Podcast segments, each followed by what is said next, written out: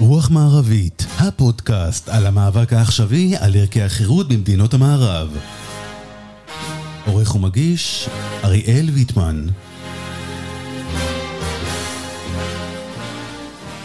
שלום לכם, מאזינות ומאזינים, ברוכים הבאים לרוח מערבית מבית אול אין. אני אריאל ויטמן, ותודה שאתם מצטרפים אלינו היום אה, לפרק הנוכחי.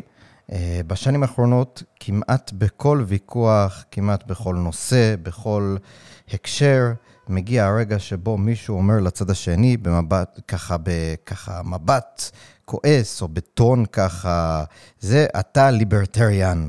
ובכך מסתיים הוויכוח, כי ליברטריאנים הם אנשים רעים, ואנחנו כולנו הסכמנו על זה, מסתבר פה בדיון הציבורי ברשתות החברתיות.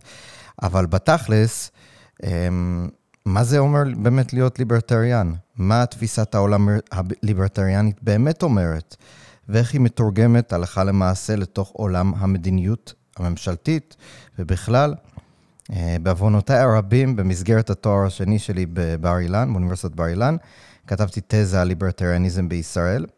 אה, אני, אני רק אגיד שהתזה שלי ככה חקרה לא בהקדמה כן דיברנו קצת על מה זה ליברטריאניות, מה תפיסת העולם הזאת אומרת, אבל בעצם המחקר אה, בדק מי מגדיר את עצמו ליברטריאן בישראל, או מי הוא בעל מאפיינים ליברטריאנים בישראל, ומה, אה, ומה בעצם, אה, כמה כאלה בכלל יש.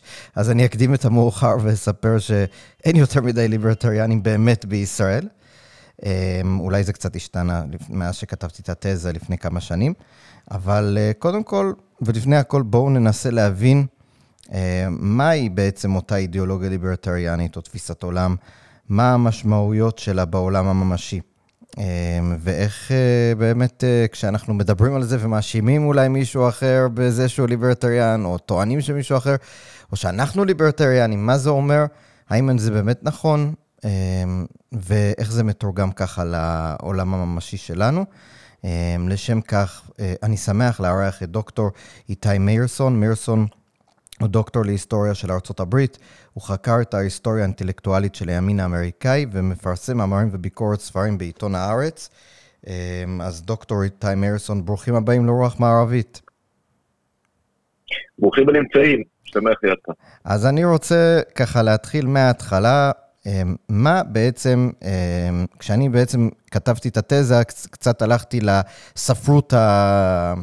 של ההוגים, הלכנו למורי רוטבארד ולעוד אה, כהנה וכהנה, אמ, לנוזיק ו- וכל מיני כאלה, וככה, מה שאתה מגלה זה שאין אף אחד שמסכים שהשני הוא ליברטריאן אמיתי במרכאות. אז אם היית צריך אה, אולי אה, ככה לפשט לנו ככה בבסיס, מה זה אומר, איך היית מגדיר ליברטריאן? מה הופך בן אדם ליברטריאן?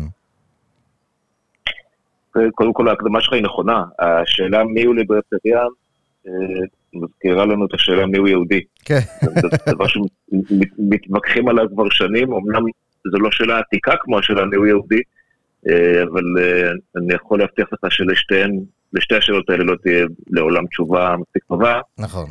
אה, אבל הליברטריאנים הם באמת, אה, קודם כל מתווכחים על הכל, והם לא מסכימים כמעט על שום, חוץ מהדברים הבסיסיים שאנחנו צריכים להגיע אליהם, הם מאוד מאוד לעומתיים, אה, מפוצלים להמון המון פלגים ומחנות.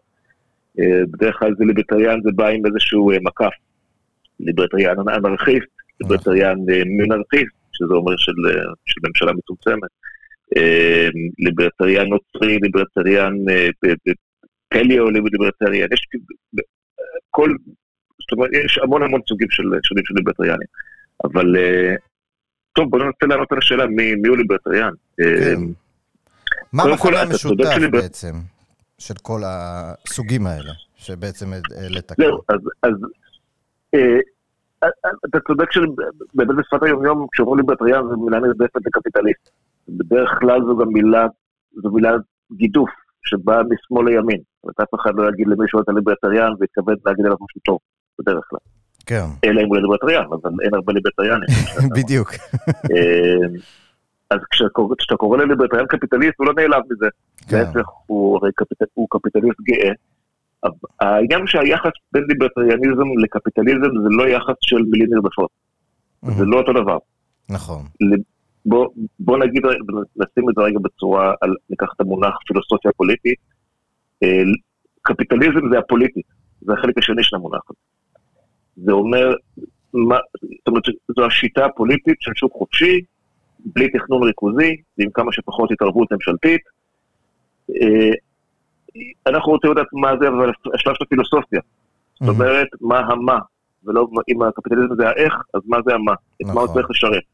במילים אחרות, קפיטליזם זה התשובה של הליברטריאן לשאלה מהו המשטר הרצוי לקידום הפילוסופיה שלך. בוא, נשאל מה הפילוסופיה שלו. Mm-hmm. אז כדי, בוא נשים את זה רגע בכמה מושגי יסוד. אה, נעשה את התשובה הקצרה ואחר כך נעשה את התשובה הארוכה, אני לא יודע כמה שעות או כמה ימים יש לך כן. לשיחה הזאת, אבל אני נצטרך בערך שבוע לתשובה הארוכה. כן. כן. בוא נתחיל מההגדרה הקצרה.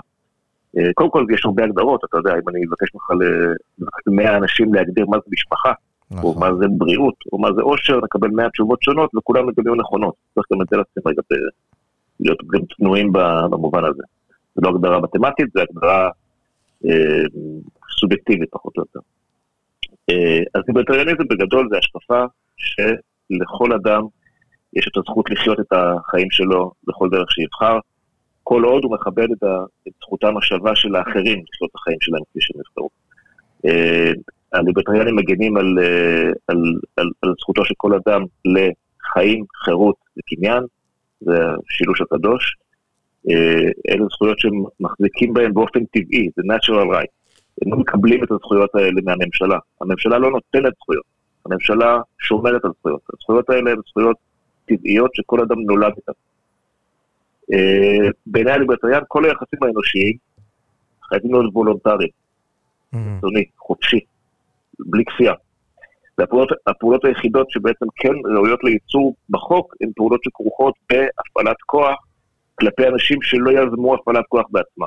כן. זאת אומרת, אם אתה אם, אם אני לא יכול uh, לבוא אליך עם אקדח ולהגיד תן לי את הכסף, ואני כן יכול לשלוף אליך אקדח אם אתה באת מולי עם אקדח ואמרת תן לי את הכסף. כן, זה עיקרון, אה, אה, נקרא, אני חושב יש איזה עיקרון אי, התוק, אי התוקפנות, איך זה נקרא, אני כבר, כן, עברו שנים.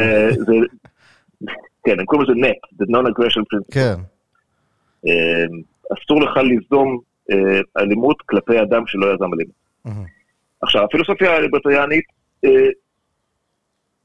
ההיילייט שלה זה, היא מדגישה את העליונות של חירויות הפרט על כל, על כל, אה, על כל דבר אחר. מה זה אומר? זה אומר שחירויות אינדיבידואליות הן המקור, ה... לא הראשי, אלא הבלעדי, נקרא לזה, לכל ההסדרים החברתיים, ולכן כל הסדר חברתי שפוגע בחירויות האלה, בחירויות הפרט, הוא הסדר, הוא בלתי מוסרי מעיקרו. אה, בואו ניכנס, נראה את העולם רגע דרך אה, עיניים של ליברטריאן, הוא רואה את העולם, התפיסה שלו היא לא אופטימיסטית גדולה אה, באופן עקרוני, ברמה הפילוסופית העמוקה. כן. אה, הוא רואה את העולם כמאבק מתמיד בין שיעבוד לחירות, בין כפייה לבחירה, קולקטיב ואינדיבידואל. אה, והתמצית של, ה, של המאבקים האלה, של הצמדים האלה, שאיך שאמרתי, התמצית זה מדינה מול אזרח. זאת אומרת, שם נמצא, שם נמצאת הפוליטיקה והפילוסופיה, שם נמצא המאבק הגדול.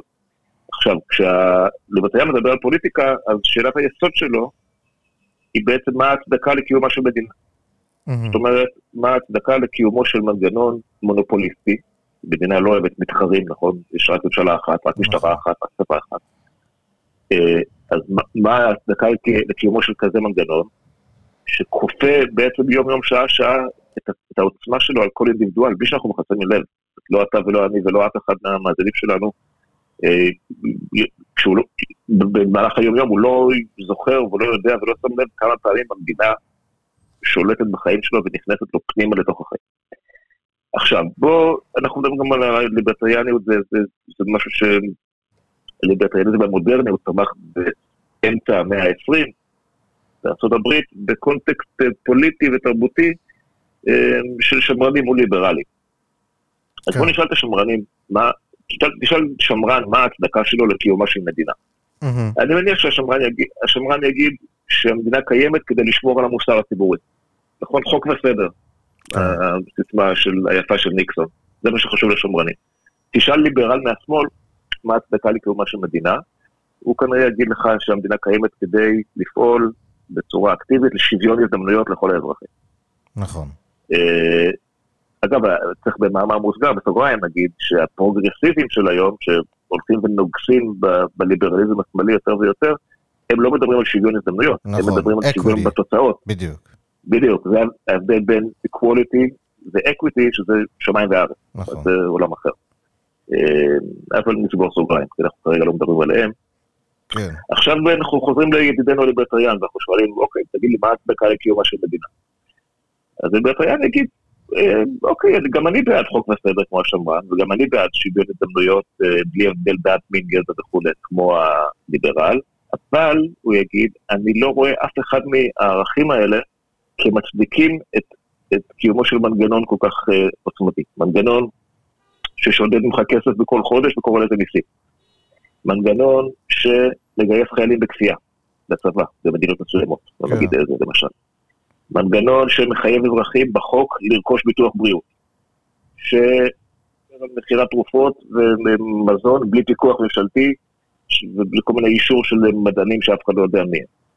מנגנון שאוסר על חברות לתאם מחירים בשוק החופשי. למה? מה אכפת להם? יש- אם יש שוק חופשי, מה אכפת לך שחברות מתאמות מחירים? לא, המדינה לא רוצה שהם יתאמו מחירים. מנגנון שמחייב חנויות להיות מונגשות לנכים, ואומר להם כמה מטפים צריך להיות בכל חדר במקרה של שרפה, וצריך אישור ממכבי אש כדי לפתוח את הדלת בבוקר, וצריך לשים שלטים בשלוש שפות של מה מותר ומה אסור, ולהיזהר מהמדרגה, כי אם לא אתה תקבל קנס. ומנגנון שגם אומר לך לשלם לעובדים כמה אה, שכר מינימום שהמדינה מחליטה ולא אתה, וגם מחייב אותך לשרת כל לקוח, גם אם הוא לא בא לך בטוב, אם אתה לא רוצה לתת לו שירות, אתה חייב, כי המדינה החליטה. זה מנגנון שנכנס לך לתוך המכונית, כי הוא אומר לך שאתה חייב לחגור את החגורה ברכב, גם אם אתה לא רוצה, או לשים קסדה על ה... אם אתה רוכב אופנוע, אתה חייב להיות עם קסדה. מהמם. זה מנגנון שמחליט מה מותר לך לעשן ומה אסור לך לעשן, ומה מותר לך לשתות ומאיזה גיל. זה מנגנון שביום אחד שתהיה איזו מגפה אמיתית, שיקראו לה איזה קוביד משהו, גם יכריח אותך להתחסן. או שיכריח אותך להישאר בבית בבידוד. או הוא יגיד אם אתה רוצה לצאת החוצה, זה רק עם מסכה על הפנים. זאת אומרת, לא החוק והסדר של השמרן, ולא השוויון הזדמנויות, ה-equality של הליברל, בטח לא ה-equity של הפרוגרסיבי, כולם לא מצדיקים קיומה של מדינה. כן. אוקיי, אז מה מבחינה פוזיטיבית, מה כן מצדיק? אה, אז הליברטריאן אומר, המדינה קיימת כדי לשמור על זכויות הפרט של האזרחים, את הזכויות הטבעיות, כמו שאמרתי קודם. היא לא, היא לא יוצרת זכויות, המדינה, אצל הליברל המדינה יוצרת זכויות. זאת אומרת, יש לך זכות לדיור, יש לך זכות לעבודה, יש לך זכות לקורת גג. הליברטריאן אומר, לא, אין, אין, אין לך זכות לדיור, יש לך זכות לקנות דירה אם מישהו מוכן למכור לך אותה. מהמם. אין לך זכות, ל, אין לך זכות ל, ל, ל, ל, ל, לשכר מינימום. יש לך זכות לעשות משא ומתן עם, על, עם, ה- עם הבוס על שכר, ולחתום חוזה, וששניכם צריכים לקבל אותו. נכון. הזכ- הזכויות אצל הליברטריאן הן זכויות שליליות, או חירויות, סליחה, שליליות. כן. זה מונח של אה, אייזיה ברלין, אה, ישעיהו ברלין, אה, שההבדל בין זכויות שליליות לזכויות חיוביות, האמת שהמינוח הזה הוא לא- הוא לא כל כך מדויק, זה לא כי שליליות וחיוביות זה נשמע שיפוטי, טוב ורע, זה יותר אקטיביות ופסיביות. כן. כאילו מה אסור לך לקחת הזכויות- מבן אדם, זה זכויות שלילית, זאת אומרת אסור לך בדיוק. לשלול ממני את החירות שלי, את הקניין שלי וכולי, וזכויות חיוביות זה שאתה כאילו זכאי למשהו שאתה מקבל מה, נניח מהמדינה. זאת אומרת, לא משהו שלוקחים לך, אלא משהו שנותנים לך. אני חושב שזה ההבדל במילים ככה נכון. פשטניות. נכון. וזכויות, זכויות, שברגע שזכויות אה, הופכות לחיוביות, זה הופך לחובות. כן, ואז יש לוקחים זכות- את זה ממישהו אחר לתת לך בעצם. בדיוק, בדיוק. אם יש לך זכות חיובית ל- לקורת גג, דיור ציבורי מה שנקרא, מישהו שילם על זה. מישהו צריך לשלם על זה. ואז אתה פוגע בזכויות שלו, אתה פוגע בזכויות השליליות, בחירויות השליליות של, שלי לצורך העניין, כי אתה אומר לי, תן לי מיסים כדי לשלם לאריאל על הקורת גג, על הזכות שלו לקורת גג. נכון. אבל תגיד, גם אה, השמרנים, זאת אומרת, אם אני ככה, הרי אחת, לדעתי, המיסקונספציות, לפחות כאן בישראל בשיח, בגלל שלא כל כך מכירים, זה בעצם הערבוב בין השמרנות האידיאולוגית לבין הליברטריאניות. זאת אומרת, כמו שאמרת, כן. כי כל מי שקפיטליסט מיד מתויג כאיזה ליברטריאן, משהו שלילי, לא יודע בדיוק מה. ובעצם אם אני, נניח אם אני בן אדם שמרן כתפיסת עולם, אבל אני חושב שקפיטליזם כשיטה, או אי התערבות ממשלתית ברוב רובם של הנושאים, זה משהו שפשוט עובד, זה, זה, איך זה זה כאילו משהו ש... אמ, זה, זה כדאי למדינה לעשות, כי זה עובד פרקטית. אז זו, כן. מה ההבדל בין זה לבין ליברטריאן? תסביר, כאילו בעצם אתה, אתה הסברת את זה במילים מאוד uh, ככה קצרות בהתחלה, אבל כאילו תיתן לנו את ההבדל העקרוני בין זה לבין זה. זה קודם כל מבחינת, בוא נדבר מבחינה היסטורית. כן. יש אני היסטוריון, אני מחפש את נכון. את הזווית ההיסטורית.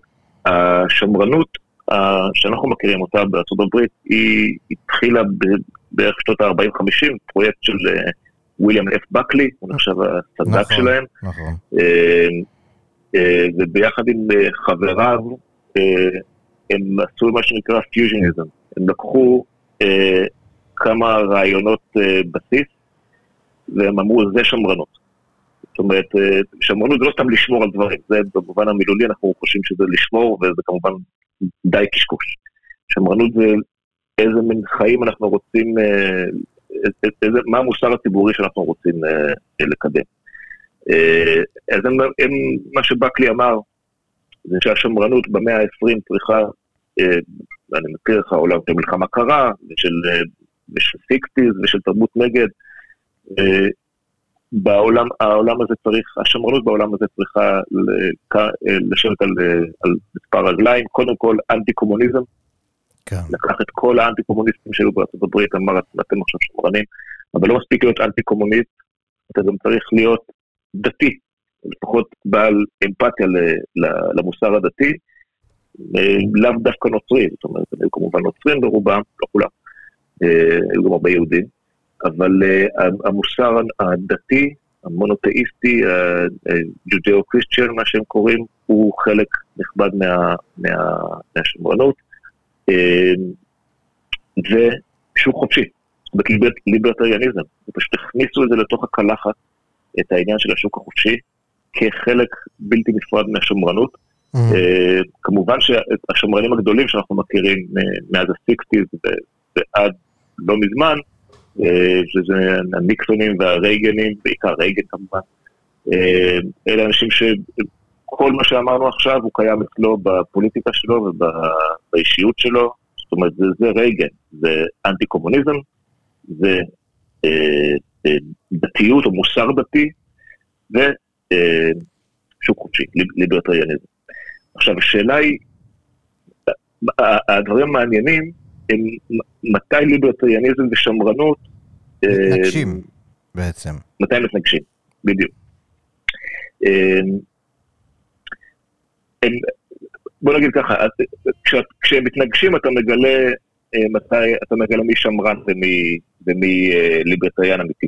כן, אצל מי הליברטריאני- הליברטריאניות היא במקום ראשון, ואצל מי היא איזשהו משהו בתוך ה... איזה ערך בתוך מערכת הערכים שלו. אמ, בוא ניקח דוגמה, אתה יודע מה? אמ, דווקא מישראל.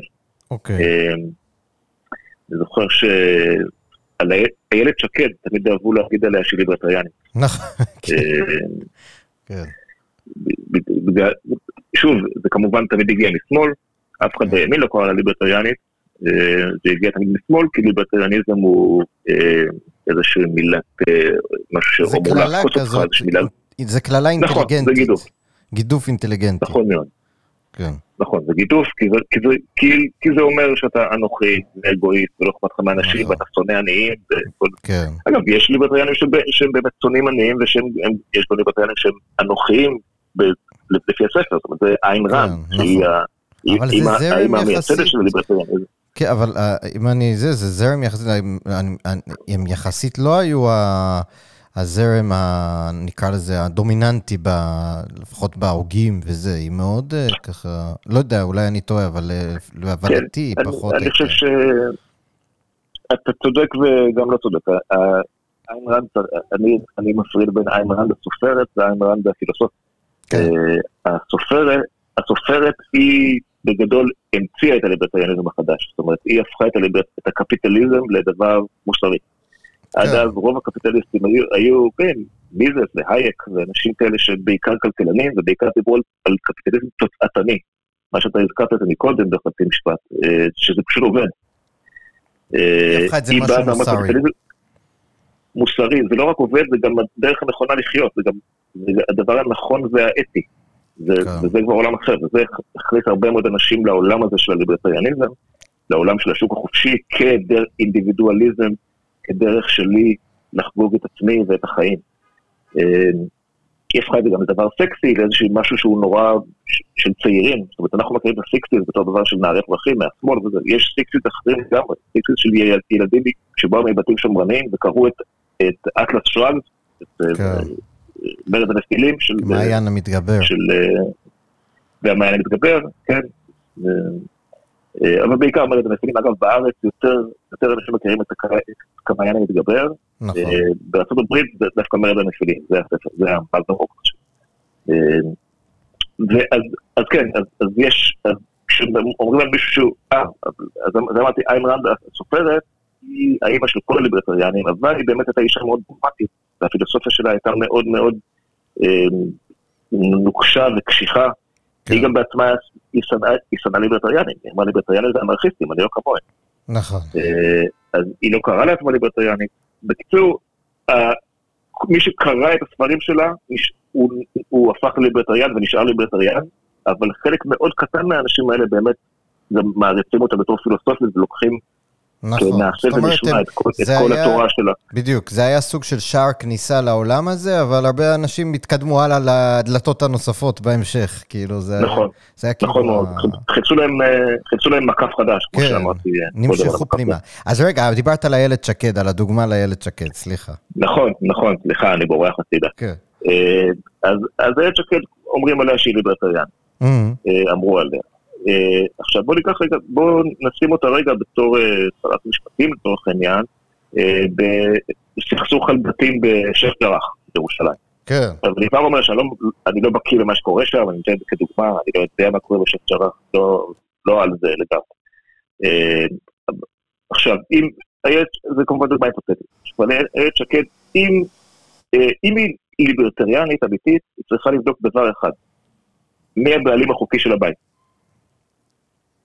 מגיע, מגיע אי המדינה, מגיע לבית, עכשיו היא צריכה להחליט האם היא מבקשת מהדייר הערבי, אה, אה, הוא מראה לה אסמכתה, אם הוא מראה לה אסמכתה על בעלות על המבנה, ובית המשפט אה, בוחן את המסמך הזה ובטוח שהוא מהימן, אם איילת שקד ליברטריאנית, היא אומרת, מודה ועוזב ירוחם, מאחרת לדייר הערבי יום טוב, ומבטיחה לו שאף אחד לא יזיז אותו מהרכוש שלו, כי חירויות הפרט עולות על כל קייס קולקטיביסטי. נכון. על כל קייס לאומי. אם אה, חירויות פרט זה חירות קניין, אה, זכויות אדם זה זכויות רכוש, זה היינו הך. אם אני ניגע לך ברכוש, אני לוקחת לך את זכויות האדם, וזה ליברטריאן לא מוכן לעשות. כן. אה, לא, אין אינטרס לאומי, ואין צו הדורות, ואין אני עירך קודמים, ואין את הדברים המוסריים האלה, הקולקטיביסטיים, אלא רק אתה הבעלים של הבית, כן או לא. אבל רגע. בוא, אנחנו, כן. בוא, בוא נחשוב על איילת שקד, אם, אם, אם, היא לא מתרשמת מהאסמכתה שהוא מביא לה, היא כנראה לא ליברטריאנית, לכל היותר, אתה יודע, ציונית לאומית עם נטייה לשוק חופשי, אה, אבל זה, אני נותן את הדוגמה הזו כי, כי אלה בדיוק המקומות שאתה רואה, ליברטריאן אמיתי, כמה שהוא ציוני, אפילו ציוני ימני, הראת לו אה, תעודה שמראה שאתה הבעלים של הרכוש, נגמר הסיפור, זה שלך. נכון. אין, אה, אין, אין, שום, אין שום דרך לעקוף את זה כשאתה ליברטריאן על מלא. כן. אז רגע, לפי זה מה שאתה מתאר, אני, ואני מסכים, אני רק מנסה לשאול פה שאלה נוספת, האם בישראל, כשאנחנו מסתכלים על, ה, על, ה, על החברה הישראלית, על, ה, על מגוון הדעות, שהם כבר, הם לא כזה מגוון, בוא נהיה כזה, אבל, אבל האם בישראל יש היתכנות, או, לי יש תשובה בפני עצמי, אבל בתכלס, הליברטריאניזם בישראל זה מיעוט שבמיעוט שבמיעוט. אתה, אני מניח שאתה מסכים נכון. לפי זה. זה. אין כמעט ליברטריאנים, זה ממש לחפש בפינצטה כן. אחד במיליונים, זה לא, לא קיים בכלל. נכון, נכון. עכשיו, אה, זה... כן. לא, לא, אז אני אומר, הסיבה לזה... אתה אמרת שאתה חקרת את זה. כן, לא, אז אני... דווקא באמת הייתי רוצה לדעת מה מצאת. אז קודם כל יש ארגונים מסוימים שהם אה, משיקים של התנועה הליברלית החדשה, יש את... אה, אה, נכון. יש כל מיני ככה... אנשים שהקימו ארגון עם איזה חמש אנשים, ו- וככה הגעתי לכנס החירות, העברתי שאלונים, כי היה לי מעניין לדעת מה עמדתם בנושאים לאומיים, מה עמדת האנשים שמגיעים לכנסים האלה בנושאים כאלה ואחרים, אבל, אבל מה שכן מאוד מעניין בעיניי הוא ש... אני לא יודע, זאת שאלה שלא חקרתי, כי זה מעניין. האם בארצות הברית הליברטריאנים הם גאים להיות אמריקאים? כי מה שאני, מאוד סקרן אותי, ו, וזה ברור לחלוטין שהליברטריאנים הישראלים, יש קודם כל... גאוות יחידה שאומנם הם לא, כמו שאמרנו, הם לא תומכים בפעולות הממשלה, אבל הם מאוד פטריוטים במובן שהם גאים להיות ישראלים. אה, לפחות זה, זה ההתרשמות שלי מהשיחות שלי איתם וברעיונות העומק. אז השאלה, אה, מעניין אותי לדעת האם ההוגים אה, האמריקאים, הליברטריאנים, כי הרי לכאורה יש איזושהי סתירה מאוד מובנת ומאוד מבנית בין לאומיות לליברטריאניות. נכון. כמו שתיארת עכשיו לפני כן, כי יש איזשהו אינטרס לאומי שנתפס כאינטרס לאומי. למשל, סתם דוגמה, אפילו בדבר הכי מצחיק, eminent domain. זאת אומרת, המדינה רוצה לבנות איזשהו כביש, ובשביל שהכביש יהיה הכי יעיל והכי טוב, אז יש איזשהו בית באמצע. אז המדינה מפנה את הבית ומפצה את הבן אדם שזה היה הבית שלו. אני, רוב הליברט, רוב, הליברטריאנים התנגדו לזה, כי זה הבית שלו, זה הקרקע שלו. אה, וזה נוגד את האינטרס הלאומי, אז באופן מבני יש, יש ניגוד אה, בין הדברים. האם לדעתך הליברטריאנים, ממה שאתה מכיר, הם היו גאים להיות אמריקאים, או שהם היו ככה מאוד מסויגים מלאומיות, מפטריוטיות וכולי? אז זו שאלה, זו באמת שאלה מצוינת. אה, וכל אחד ישיב עליך אחרת, גם הליברטריאנים האמריקאים עצמם, כל אחד ישיב אחרת. התשובה שלי שהליברטריאנים הם, הם, הם, הם תמיד קרועים, דיברנו על בין, על קרע בין אה, אזרח למדינה, בין נכון. שיעבוד לבחירה, בין קולקטיב לאזרח ליחיד. האמריקאי, אנחנו צריכים לחזור רגע אחורה לסיפור האמריקאי, הנרטיב, האתוס האמריקאי. בואו נשים אותו מול האתוס הישראלי, אנחנו נראה עד כמה, עד כמה זה שונה מאיתנו, בדיוק. עד, עד כמה האמריקאים... אה, בואו נחשוב, אתה, אתה גדלת בארצות הברית, אז אתה בטח לימדו אותך לשנן את הנאום גטיסברג, נכון? בבית ספר. תראה, אני גדלתי אה, בבית חרדי, אז לא לימדו אותי כלום, אבל... אה, הבנתי. אבל אה, כן. לבית ספר הזה לא שלחו אותך, כן. אבל אז יש בשורה הראשונה של הנאום, הוא מדבר על הלינקולן, מדבר על ה... אה, אה, אבותינו שלפני 80 וכמה שנים הביאו לנו, אה, המציאו לנו אומה חדשה, conceived in liberty. נכון. שנולדה מתוך חירות. הסיפור האמריקאי הוא סיפור של חירות פרט. זו, זו, זה הסיפור שלו, זה אנשים, זה לא עמים שהגיעו לארה"ב כדי להקים את העולם חדש, זה יחידים שהגיעו לשם, זה סיפור על אינדיבידואלי, והסיפור הזה, האינדיבידואליזם האמריקאי הוא, הוא, הוא, הוא זאת אומרת, לאורך כל ההיסטוריה, גם ההתפשטות הקולוניאלית בתוך היבשת במאה ה-19, ההתפשטות מערבה היא גם סיפור של אינדיבידואלים. זה משפחות של משפחת אינדיבידואל. משפחות ביחד הלכו מערבה. ה Wild West, זה גם כזה, ג'ון וויין, על הסוסים. זה הסיפור האמריקאי, זה לא סיפור קולקטיביסטי. בואו נלך גם לטקסטים שלהם. תחשוב על הצהרת העצמאות מ-1776. כן. מקובלות עלינו המצוות אלה כמובנות מאליהן, אה, שכל בני האדם נבראו שווים, שהבורא העניק להם זכויות מסוימות שאי אפשר לשלול מהן, וביניהם הזכות לחיים, לחירות ולרדיפת העושר. שוב, השילוש הזה, כן, של ג'ון לוק. כן. אה, זה, אה, זה טקסט מהפכני, מבחינה ליברטריאנית.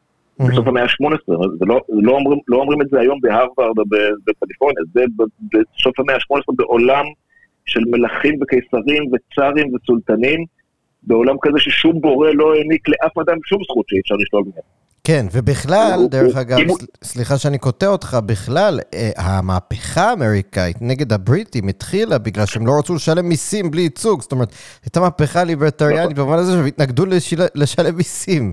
אז בכלל, כאילו, כל נכון. האתוס מתחיל נכון. מהתנגדות לסמכות, התנגדות לכפייה, התנגדות נכון. ל... אז כן, בוודאי. נכון מאוד. יש, סייג, כמו שאתה אמרת, הם, הם לא נגד מיסים. הם אמרו, מותר לכם למסות אותנו, מותר למלך למסות אותנו, לפרלמנט הבריטי, אבל רק אם יהיה לנו ייצוג. נכון. בסדר, לא מושלמים, אבל בסדר. כן, נכון, נכון. אבל אמ, אמ, אז שים לב ל- ל- ל- עד כמה זה טקסט ליברטריאן, הטקסט המכונן של המדינה האמריקאית, ואז הוא גם ממשיך אה, ג'פרסון שם. מה שכדי להבטיח את הזכויות האלה לח- לחירות ולרדיפת העושר ולחיים, לחירות ולרדיפת העושר, כדי להבטיח את הזכויות האלה, בני אדם הקימו ממשלות, שהסמכויות הצודקות שלהן אה, נובעות מהסכמת הנמשלים. כן, ושכל פעם שאיזושהי צורת ממשל אה, מנוגדת ל- ל- לאותן מטרות, זכותו של העם לשנות אותה ולבטל אותה, אה, ולייסד ממשל חדש שיושתת על העקרונות האלה. זאת אומרת, תראה כמה, עד כמה הפרט יותר חזק מהמדינה. הפרט יוצר את המדינה, ולא המדינה יוצרת את הפרט. מהמם, הפרט, יוצ... הפרט יוצר לעצמו מסגרת שתאפשר אה, לשמור על, על, ה... על האינדיבידואליזם שלו, ולא להפך. המדינה לא נותנת לו כלום, המדינה רק שומרת. כן, זה הסיפור האמריקאי. אנשים שלקחו את, החי... את חייהם בידיהם, עברו את האוקיינוס והתחילו חיים חדשים. הם לא עשו את זה כדי לקבל ביטוח לאומי, הם עשו את זה כדי לעבוד ולעשות את זה בעצמם. זה הסיפור האמריקאי של ה-self-made man. וזה האתוס אה, האמריקאי, בוא ש- כן, שבעצם מאפשר כן, זה- לליברטריאנים, אני חושב, לפרוח וגם להרגיש שייכות לרעיון של המדינה שלהם שמה. נכ- אתה צודק, נכון מאוד. הלאומיות האמריקאית, אפילו הפטריוטיות האמריקאית היא פטריוטיות, היא פטריוטיות של אינדיבידואלים, זה לא כמו פה. בדיוק. זה לא, הוא לא כמו במדינה, אני לא, אני לא רוצה רק להשחיר אותנו, לא כמו בכל, כמעט בכל המדינה. בגלל. זה אמריקה היא אקספשיונל. אז בוא, אז, אז בוא, בוא נשים מולם את מגילת העצמאות שלנו. את, ה, את, האירוע, את המסמך המכונן שלנו, שעכשיו בימים האלה עם כל המחאה על הציבור של הממשלה, אה, אה, זה חוזר לחיים המסמך הזה. אה, ואני לא יודע כמה אנשים קראו אותו, אבל אנשים פחות סומכים עליו, גם, גם זה אומר משהו. אה, אז איך, איך זה מתחיל? אה, כמובן בארץ ישראל, קם העם היהודי, בה עוצבה דמותו הדתית, המדינית, הרוחנית וכו' וכו' וכו', ועוד פסקאות, ועוד לאחר שהוגלה מארצו, אה, הוא שמר לה אמונים בכל ארצות העולם, ו- והתפלל וקיווה לשוב לארצו ולחדש את חירותו נכון. המדינית, ובכל דור חתרו היהודים לשוב למולדתם, אין פה מילה אחת על אינדיבידואלים. אין פה מילה אחת על בן אדם יחיד, זה הכל קולקטיב, כן. זאת אומרת, זה רק... זה- סיפור קולקטיבי. בדיוק, האתוס המכונן הישראלי הוא אתוס קולקטיביסטי לחלוטין. זאת אומרת, אין כאן מקום אפילו כן. לאינדיבידואל, בשום מצב. אה, כן, תראה את, החלטת העצמאות, ויש פה גם איזה משהו כמעט אה, אירוני, בתוקף זכותנו הטבעית וההיסטורית, כן? ג'ון לוק שומע את בן גוריון אומר, בתוקף זכותנו הטבעית וההיסטורית, הוא מתהפך בקברו עשרים פעם. למה? לעמים אין זכויות טבעיות. נכון. זכות טבעית יש רק לאינדיבידואלים, אין לעם זכות טבעית לחירות, לקניין, זכות, זכויות של, זאת אומרת, בכלל, ליברטריאנים אומרים שזכות היא דבר שהוא הוא, הוא לא יכול להיות בכלל, לא רק, לא ש... זאת אומרת, זכות, אין זכות לקהילות, אין זכות ללהט"בים, אין זכות לעובדים, אין זכות למורים. יש זכות לבן אדם דבר כזה. היחיד, יש זכות ליחיד לעשות מה יש שבא בדיוק, כל עוד הוא לא פוגע להט"ב, באחר. כן. לכל אדם להט"ב יש זכות, לכל מורה יש זכות. היא לא נובעת מהקהילה של המורים, היא לא כן. נובעת מה... אה, זה ההבדל בין זכויות טבעיות לבין פוליטיקה. אם המורים מתאגדים ביחד ועושים להם איזשהו ארגון מורים, זה לא זכויות, זה- פוליטיקה, הם רק נותנים כוח. אה, אז, תראה את ההבדל בין בישראל, בישראל אנחנו מכירים אותה טוב כי אנחנו כאן, אבל אה, זה מאוד מייצג, אה, זאת אומרת, אני לא מכיר אף מדינה במזרח התיכון, לצורך העניין, שיש בה איזשהו אה, אתוס מייסד של אינדיבידואליזם. נכון. אני גם לא בטוח עד כמה, ב, עד כמה באירופה, אירופה השבטית והלאומית ולאומנית, עם כל כך הרבה מאות שנים של שבטים מתר, מתערבלים אלה באלה, וסרבים וקרואטים ובלונים ופלמים וכל אני לא בטוח עד כמה יש שם מקום לאינדיבידואליזם. בגלל זה יש גם, אתה, אתה רואה את התנועה של האנשים בהיסטוריה, אה, אנשים הולכים מערבה לארה"ב. אוקיינוס בצד אחד, אף אחד לא, לא עובד אף אחד, אבל uh, אנשים הולכים מהמקומות המשעבדים יותר למקומות החופשיים יותר, מהמקומות, ה, מהמקומות שהסיפור הוא קולקטיביסטי למקומות שהסיפור הוא אינדיבידואליסטי, כי אנשים שרוצים לברוח הם אינדיבידואליסטים, מי שטוב לו בעולם הקולקטיביסטי, או שזה בגלל שהוא אה, מבחינה אישיותית מתאים לעולם הזה, ולכן אין לו שום צורך לבטא את האינדיבידואליזם שלו, או שפשוט מכריחים אותו ושמו לו גדר, כמו, ב, אה, כמו סטלין בברלין, אה, לא סטלין, סליחה, חושצ'וב, או ששמים גדר, או שפשוט לא נותנים ללכת. כן. עכשיו, תגיד, מה עוד רציתי לשאול אותך? הליברטריאנים עצמם, מבחינה דתית, זאת אומרת, איין רנד למשל, היא הייתה, היא הייתה, הרבה דיברנו על שער הכניסה וזה, אבל היא עצמה הייתה, א', היא אמרה כל הזמן, היא הייתה נגד הליברטריאנים, אבל גם היא הייתה אנטי, היא הייתה אתאיסטית קיצונית וכולי. איך זה מסתדר עם העובדה ש... אה, יש הרבה ליברטריאנים שהם גם דתיים, אמ, אז כאילו, זה משהו שאתה מצליח, אמ, יש איזשהו שיח על זה, או שזה פשוט, תעשה מה שאתה רוצה בזמן שלך, ואין איזושהי סתירה בין חירות, אה, חירות לבין אה, דת, כל עוד, זה ב, כל עוד המדינה לא כופה עליך משהו. אה, כן, יש לזה כמובן דיון, וזה, וזה באמת גם בתוך הקהילה הליברטריאנית עצמה, יש את האתאיסטים הגמורים, שזה באמת האובייקטיביסטים הרנדיאנים היותר דוגמטיים. ויש, את ה, ויש הרבה מאוד, אה, הרבה יותר מאלה, יש את הדתיים שהם ליברטריאנים, אה, זה קשור בהרבה דברים, גם באתוס הדתי והפרוטסטנטי של האמריקאים, אנחנו מכירים את כל, את, ה, את אה, מקס ובר ואת כל ה, כן. האתוס של העבודה, האתוס הקפיטליסטי בפרוטסטנטיות, זה הכל, זה כן משחק איזשהו תפקיד. אבל בצורה הכי בסיסית של העניין, הליברטריאנים לא אומרים שאסור לך לקבל מרות. כן, כל עוד לא כופים עליך. כל עוד מישהו לא בא עם אקדח לרקה ואומר לך, תעשה את זה, או שאני יורה. בדיוק, אתה, אתה יכול לקבל מרות. זאת אומרת, היה איזה דיון ב... היה איזה, אה, יש את ה...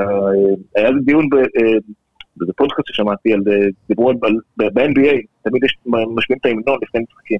כולם עומדים ונותנים את הדגל.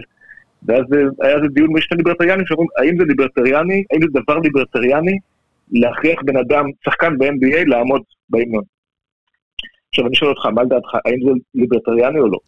אני חושב שזו אה, קבוצה. פרטית, זו ליגה פרטית ששייכת לבעלי עסקים פרטיים. אז אתה כשחקן בעצם, אתה, אתה עובד של הליגה, של הקבוצה, אז אם נכון. הקבוצה מחליטה שכן, והבוס שלך מחליט שכן, אני יכול לפטר אותך אם לא, אז אה, בטח שכן. נכון מאוד, זו התשובה היחידה הטובה, זה נכון, אגב, כל שחקן שם יש לו הרי חוזה אישי, זה אין שם את ההסתדרות, אין שם חוזה קיבוצי הרי, אה, חוזה אישי מול הקבוצה, מול הליגה. החוזה אומר שהחוקים של הליגה זה לנגד את ההמנון, ואתה חייב לקום. אתה, אם אתה רוצה, אתה יכול לא לחתום לחוזה, כי יש לך את הזכות, יש לך את ה self ownership. אתה אחראי על, על גופך וחירותך שייכת לך, אי אפשר לקחת, אי אפשר להכריח אותך. אבל ברגע שחתמת, אתה מחויב לזה, ולכן זה גם כמו בתזמורת. יגידו, תגיד לליברטריאן, למה אתה מוכן להיות חצוצרן בתזמורת באיזו אורקסטרה גדולה, שזה מאסטרו בא ואומר לך מתי לנגן ומתי לא לנגן, הוא אומר לך literally מתי לנשום ומתי לא, לתוך החצוצרה.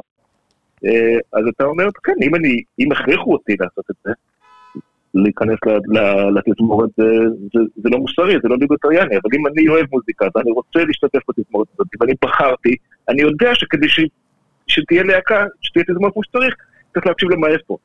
אז אני אומר את זה בהקשר של, ה, של הדתיות. כמו שאומרים ביהדות, אמ, אדם מקבל על עצמו עול מצוות. כן. כל עוד קיבלת על עצמך, זה בסדר. אם מישהו קיבל בשבילך. זה בעייתי. בדיוק, בדיוק. וזה תשובה לכל כך הרבה שאלות אה, כן. מסביב שאפשר לשאול. עכשיו, אה, נשאיר את זה ככה. כן, עוד נושא שמאוד מעניין, אני חושב גם בהקשר של, ה, של ארה"ב, וזה ככה נכנס גם כאן בהסכמים הקואליציוניים, מאוד מעניין. בהקשר של אפליה. אמ, כשהיה, אה, כשהתחילו עם כל ה... בשנות ה-60, עם ה... בעצם עם ה... חוקים נגד אפליה בארצות הברית ועם ה-Civil Rights Act וכל זה, אחד, הד... אחד הקבוצות שהתנג... אחת הקבוצות שחלקה לפחות התנגדה היו הליברטריאנים, כי בעצם החוקים האלה בעצם כופים על עסקים, למשל, אם אני בא ל... לא יודע, יש לי מסעדה, ואני במקרה גזען, ואני לא רוצה להכניס, אה, לא יודע, גזע מסוים לתוך המסעדה שלי, באה המדינה ואומרת, אתה חייב להכניס, אסור לך להפלות. אז, אה, אז אמרו, נכון. זה בעצם אה, כופה על ה... בעלי עסקים הפרטיים, שזה לא המדינה, זה לא... זה המקום שלהם, הם קנו אותם, זה הקניין שלהם. הם כופים עליהם לא להפלות, להכניס אנשים שהם לא רוצים שייכנסו לעסק שלהם. אמ, אתה רוצה, אתה, לא, אתה רוצה להחרים את העסק כי הוא לא מקבל, זה בסדר, אנחנו בעד, אבל אסור לך אה, לכפות עליהם את זה מלמעלה.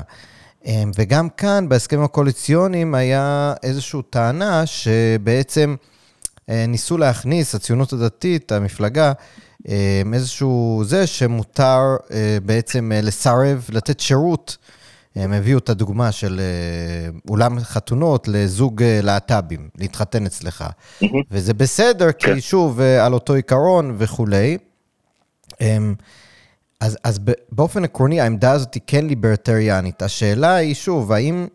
השאלה היא קודם כל, מה גבולות הגזרה של מי שמציע את זה, שמצד אחד מציעים את זה, ומצד שני, אמ, אותן מפלגות בדרך כלל אומרות שאסור למשל להחרים התנחלויות וכולי וכולי, אבל... נכון. אבל בגדול נכון.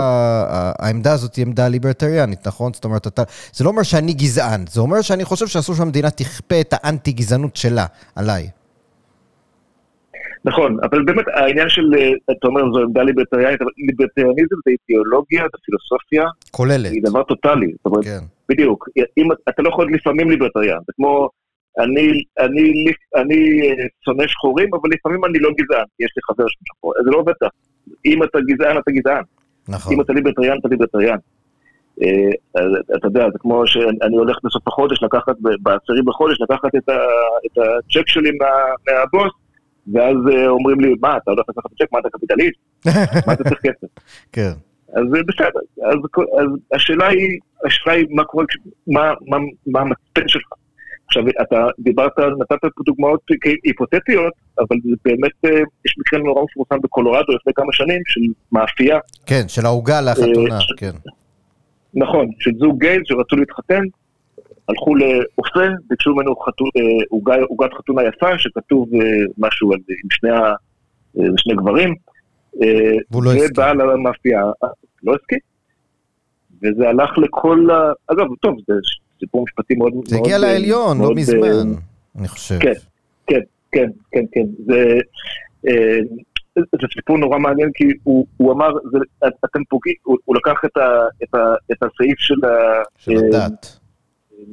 של הדת, זהו, של, ה, של האמונה הדתית, הוא אמר, אתם מכריחים אותי לעשות, אה, זה לא סתם עוגה, אם אתם סתם מבקשים עוגה שלא כתוב עליה כלום, אין לי בעיה למכור לכם.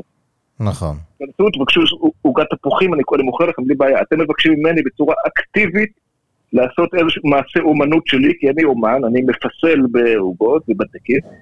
ואתם מבקשים ממני לבוא ולעשות את הדבר הזה, לכתוב אה, לג'ון וג'ייסון, אה, במזל טוב או משהו כזה.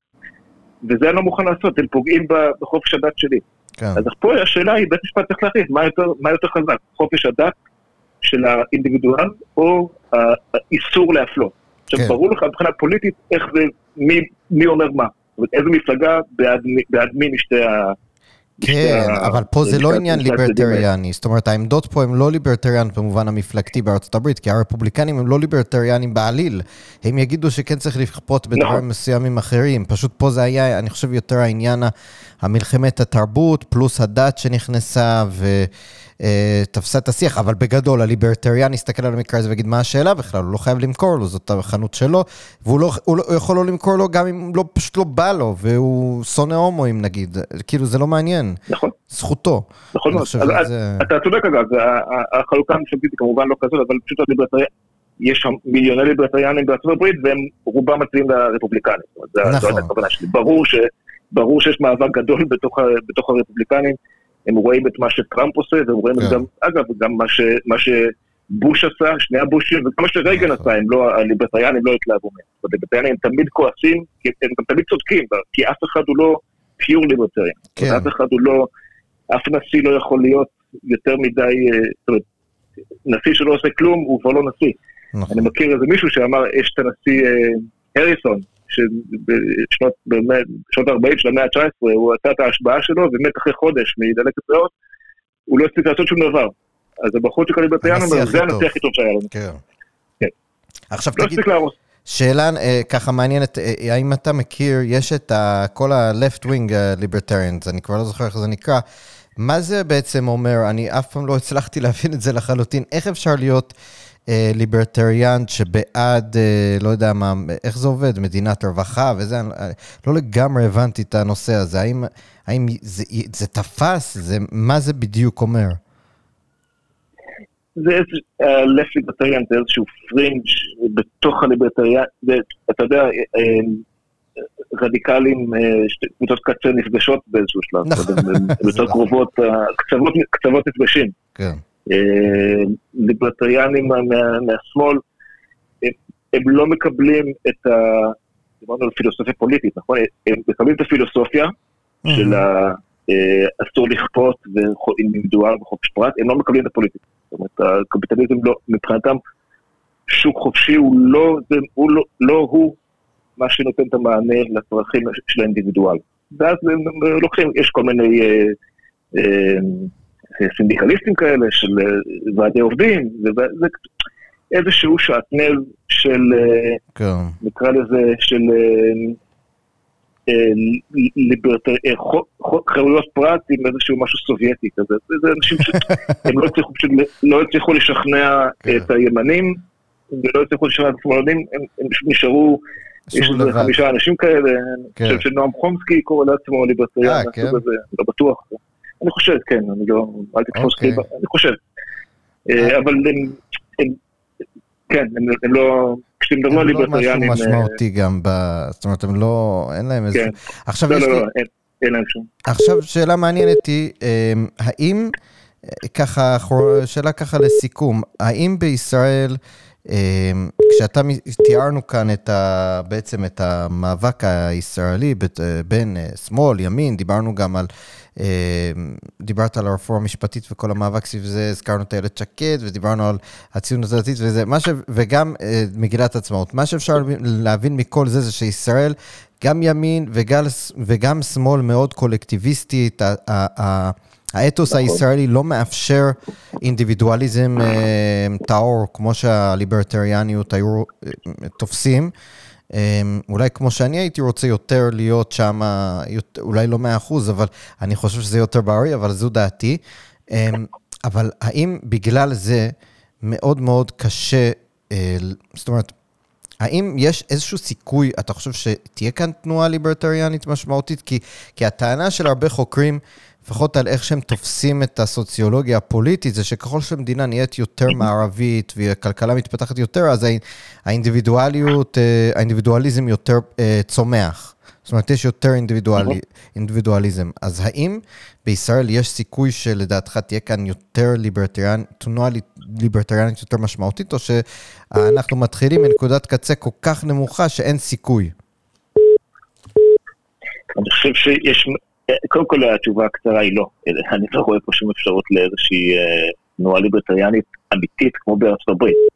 אה, אבל שוב, צריך לשים את זה רגע בקונטקסט. האקספשיונל פה זה אמריקה, זה לא אנחנו. זאת אומרת, אנחנו אקספשיונל מסיבות אחרות, אבל אה, במקרה שלנו, כל כך הרבה דברים צריכים לקרות עד שתהיה פה תנועה ליברטריאנית. בוא נגיד זה יקרה הרבה אחרי שכבר יש שלום עם כל מדינות ערב, וגם אז אני לא בטוח שזה יקרה. אה, כי בוא נסתכל רגע ברמה הפוליטית, נסתכל על המפה הפוליטית כמו שהיא היום, אה, 2023, אז השמאל זה סוצ- סוציאל דמוקרטים, אטטיסטים כאלה, וביג גוברמנט, ותוכניות ממשלתיות, נכון. ומדינה אקטיבית, ומעורבות עמוקה בחיי האזרחים, ונוכחות בכל מה שאנחנו עושים, מה מותר ומה אסור, אז לא משם תבוא הישועה. אה, אז בואו נסתכל ימינה, עכשיו הימניות של, של הימין בישראל זו הרי אחת מגנבות הדעת הכי מפוארות של הדורות האחרונים. והיו לא מעט גנבות דעת. אה, הימין הוא לא, ימין, הוא לא ימין, זאת אומרת הימין, אה, במשך שנים הרי ימין זה רק היה שאלת עתיד השטחים, נכון? כן להחזיר, לא להחזיר, כן, כן לסמוך על ערפאת או לא לסמוך עליו. ובזמן שזה קרה, הימין גם הפך לשמאל מכל הבחינות האחרות, שלא קשורות לארץ ישראל או למלחמות תרבות, זה עניינים כלכליים. תראה את ההסתדרות, נכון. היא הולכת, היא הרי הולכת איפה שהשלטון, היה מפא"י, היא הלכה עם מפא"י עשרות שנים. נגמר מפא"י, הם עברו את הכביש למצודת זאב, והיום ההסתדרות זה סניף של הליכוד. והליכוד זה עוד האגף הליברלי מבחינה כלכלית בממשלה של היום. השאר זה חרדים וש"ס והתנחלויות, שזה שלושה סקטורים שיש להם, נקרא לזה חיבה יתרה לכספי ציבור. אז, וזה המצב בימין, זה הימין המלא, כן? אז, אז מה נשאר לך? נכון. זאת אומרת, כולם חיים כמו, כמו פורגנים בימין, ודורשים תקציבים כמו של סוציאליסט. אז הליברטריאניזם על מלא, טהור, מה שנקרא, אין מה לדבר, אז בואו נרד איזה כמה מדרגות ונקרא לזה ליברליות. ליברליות פעם היו כאן, אה, זאת אומרת, יש פה יסודות ליברליים חזקים בחברה הישראלית ובפוליטיקה הישראלית, יותר, הרבה יותר מאשר ליברטריאנים. פעם היו פה את הציונים הכלליים. אה, טומי לפיד הוא ליברל, מה שאפשר לקרוא.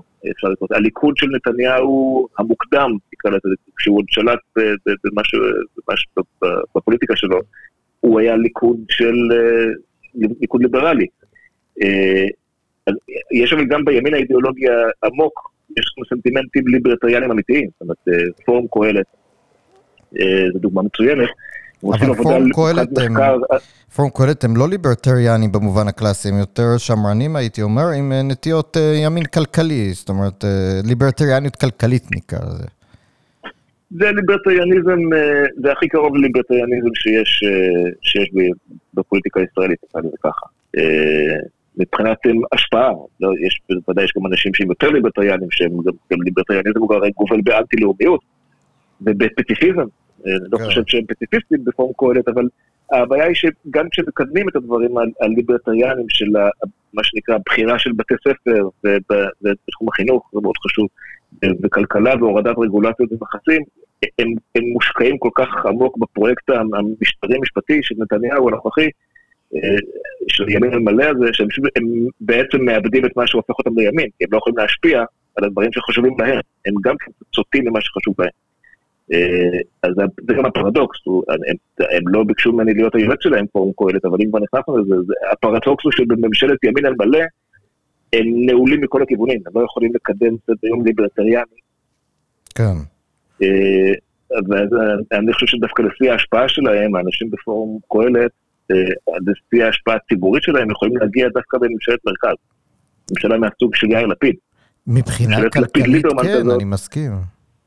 זאת אומרת, אם, אולי אה, גם מבחינה חירויות הפרט, חינוך וכולי, אבל הם, הם מאמינים, אני חושב גם בסופו של דבר גם ביו"ש ודברים כאלה, שלא בהכרח, אה, לא יודע.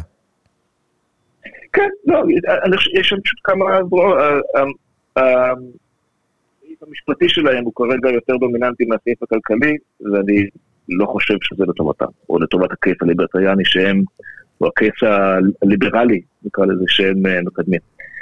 אמ, זה, זה יוצר כל כך הרבה ניכור מבחינת ציבורים כל כך גדולים, שהיו יכולים נכון. בקלות להיות בעד כל, ה, כל, הדבר, כל העניין של בחירה בחינוך למשל, חינוך הרי זה דבר, דבר שאולי הכי חשוב באנשים.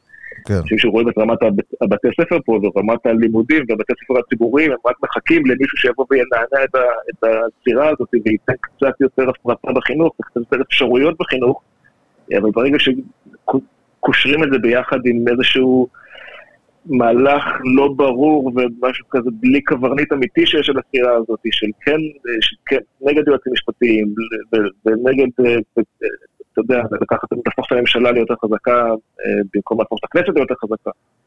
אבל זה כבר דיון אחר, אבל זה דיון אסטרטגי. אה. כן. בקיצור, אה, ליברטריאניזם אמיתי, אני לא רואה פה איזשהו משהו שיכול, שיכול להביא לזה, אבל, אבל אגב, אני גם בעצמי, ואני יוצא פה מהארון, אני לא ליברטריאן. כן. נקרא לזה שמרן ליברל. אז אז, אבל אני כן הייתי רוצה לראות יותר שוק חופשי באיפה שאפשר. כן, מבחינתי זה לא ערך שוק חופשי, ליברטריאני זה ערך. נכון. ערך מוסרי. וככה אתה מממש את היותך בן אדם. עכשיו, אני יותר, הרבה יותר נתון, זאת אומרת, זה לא ערך. ערך זה שיהיה טוב, שיהיה רווחה ויהיה טוב ויהיה חופש. קפיטליזם הוא לא ערך, מבחינתי לפחות. קפיטליזם זה השיטה הכי גרועה חוץ מכל השאר, אם לצטט את צ'רצ'יל הדמוקרטיה. שגם בזה הוא צדק. אז בעצם אם אני מסכם את מה שאתה אומר, אתה לא... זאת אומרת, אתה, אתה, לא, אתה לא רואה כאן שיהיה איזושהי תנועה ליברטריאנית פר אקסלנס, אבל כן יש כאן מקומות שבו אה, ההשקה בין אה, רעיונות ותפיסות תפיסות עולם אה, ליברטריאנית כן יכולה לעבוד, רק שכרגע בגלל הקיטוב והמצב סביב הרפורמה המשפטית זה יהיה מאוד קשה. זה בעצם, ה... זה יהיה קשה כאילו כן, להגיע למקומות כאלה. זה יהיה מאוד קשה כי המחנה שאמור לסחוב את, ה, את המערכת לכיוון היותר של כן. שוק חופשי, הוא, כן, הוא תפס צד ש, שהוא לא, הרפורמה המשפטית היא לא עניין ליברטריאני. כן. אוקיי, זה לא, זה לא קשור, זה פוליטיקה, mm-hmm. רוצים יותר כוח. נכון. עכשיו זה בסדר, מה זה בסדר? אני לא אוהב את הכיוון שזה לוקח, אבל זה, זה, בפוליטיקה זה בסדר שרשויות גם uh, הולכות קצת מכות, זה בסדר. אבל אין בזה שום קשר לעניין הליברטריאני. עכשיו העניין, הליברטריאניזם, שוב, אם, אם אתה עכשיו דוגמטי, ואתה, זה, זה, גן עדן, זה אוטופיזם, זה קץ הימים, גם אם אתה ליברטריאן, אתה יודע, גם באמריקה הם יודעים שליברטריאניזם הוא לא דבר שהוא באמת יכול לקרות כמו לפי הספר. אה, אבל תמיד אפשר לעשות זה, זאת אומרת, אתה יכול גם בתוך עולם שהוא קולקטיביסטי, אתטיסטי, עם ממשלה חזקה, ועם תוכניות ממשלתיות, ותקציב מדינה ענק, ו-30 משרדי ממשלה, גם בעולם הזה כן אפשר, אני לא אגיד למצוא כיסים של ליברטריאניות, אבל אולי לקדם אה, איזה שהם ערכים של אינדיבידואליזם, כן, כמה שאפשר לחנך ל... לדברים שהם בחלקם ליברטריאניים, גם אם לא דוגמטיים, גם אם לא, אתה לא תמות בשביל זה, אבל אתה כן רוצה ש, שהילדים יקבלו, הילדים שלך יקבלו קצת חינוך, קצת לא רק קולקטיביסטי. כן. לא רק, אינדיבידואל, לא רק אינדיבידואליסטי, אבל לא רק קולקטיביסטי. יפה. אז אה, אה, אני קודם כל... כמו שאתה אומר, אני מסכים, אני, הלוואי שהדברים האלה יקרו, כי זה דווקא, אתה יודע, אני גם חושב שלא צריך להיות איזה שהוא ליברטריאן, כמו שאתה אומר, בשביל להסכים שיש דברים שהיינו כן רוצים אה, לתת לאנשים יותר החלטות בהם, ואני חושב שגם רוב המחקרים, כתבתי על זה לפני איזה עשור, אז יכול להיות שחלק מהמחקרים השתנו, אבל למשל יותר, לתת יותר עצמאות אה, בחינוך, זה דבר שהוא גם פרקטית עובד יותר טוב מבחינת תוצאות וכולי, אבל אז הרבה מהדברים, אה, אז הרבה מהדברים האלה הם גם מבחינה פרקטית, גם אם אתה בשמאל הכלכלי למשל, יכול להיות שכן יש דברים שבו המדינה יכולה לשחרר או לתת יותר כוח לאינדיבידואל וזה יעבוד יותר טוב, אבל זה כבר ויכוח אחר ו... אבל בכל מקרה, אני רוצה להגיד לך שהיה לי ממש ממש לעונג. אני חושב שאולי נעשה פרק המשך בהמשך על uh, ככה, ניכנס לדברים קצת יותר לעומק, אבל בגדול נתנו כאן סקירה ככה מעניינת, וגם קישרנו לשיח הישראלי העכשווי, שזה חשוב. אז תודה רבה לך, דוקטור כן, מאירסון. אה, בשמחה, בשמחה גדולה, ובאמת זו רק ההתחלה. כן, בהחלט. אני ממליץ, דרך אגב, יש לך קורס אה, מאוד מעניין בדרך, אה, אה, ברח לי השם שזה אקסודוס, אם אני לא טועה. כן, מכון ארגמן. כמכון ארגמן, שבו אתה בעצם ממש נכנס, פרק פרק, ש... כל פרק זה ככה שעה פלוס, מדברים על כל ההיבטים. התחלתי לצפות קצת בפרק הראשון וזה היה מאוד מעניין, אבל אה, אז ככה, אני ממליץ, בלי קשר למי שרוצה ממש ממש להתעמק ולהבין את הדברים, זה התחלה מאוד מאוד יפה. אה, אז, אז תודה רבה שהיית איתנו, ו... על הכיפאק, תודה רבה לך. תודה רבה לכם, מאזינות ומאזינים שאתם הייתם איתנו, וכאמור, אתם יכולים למצוא אותנו בספוטיפיי, באפל, בגוגל, אה, בעוד כ-50 פלטפורמות. היה לי לעונג ככה לדבר על נושא שהוא גם קרוב לליבי, כי גם אני כתבתי עליו ופה ושם עדיין כותב עליו. אמ, אז זהו, תודה רבה לכם, ונשתמע בפרק הבא.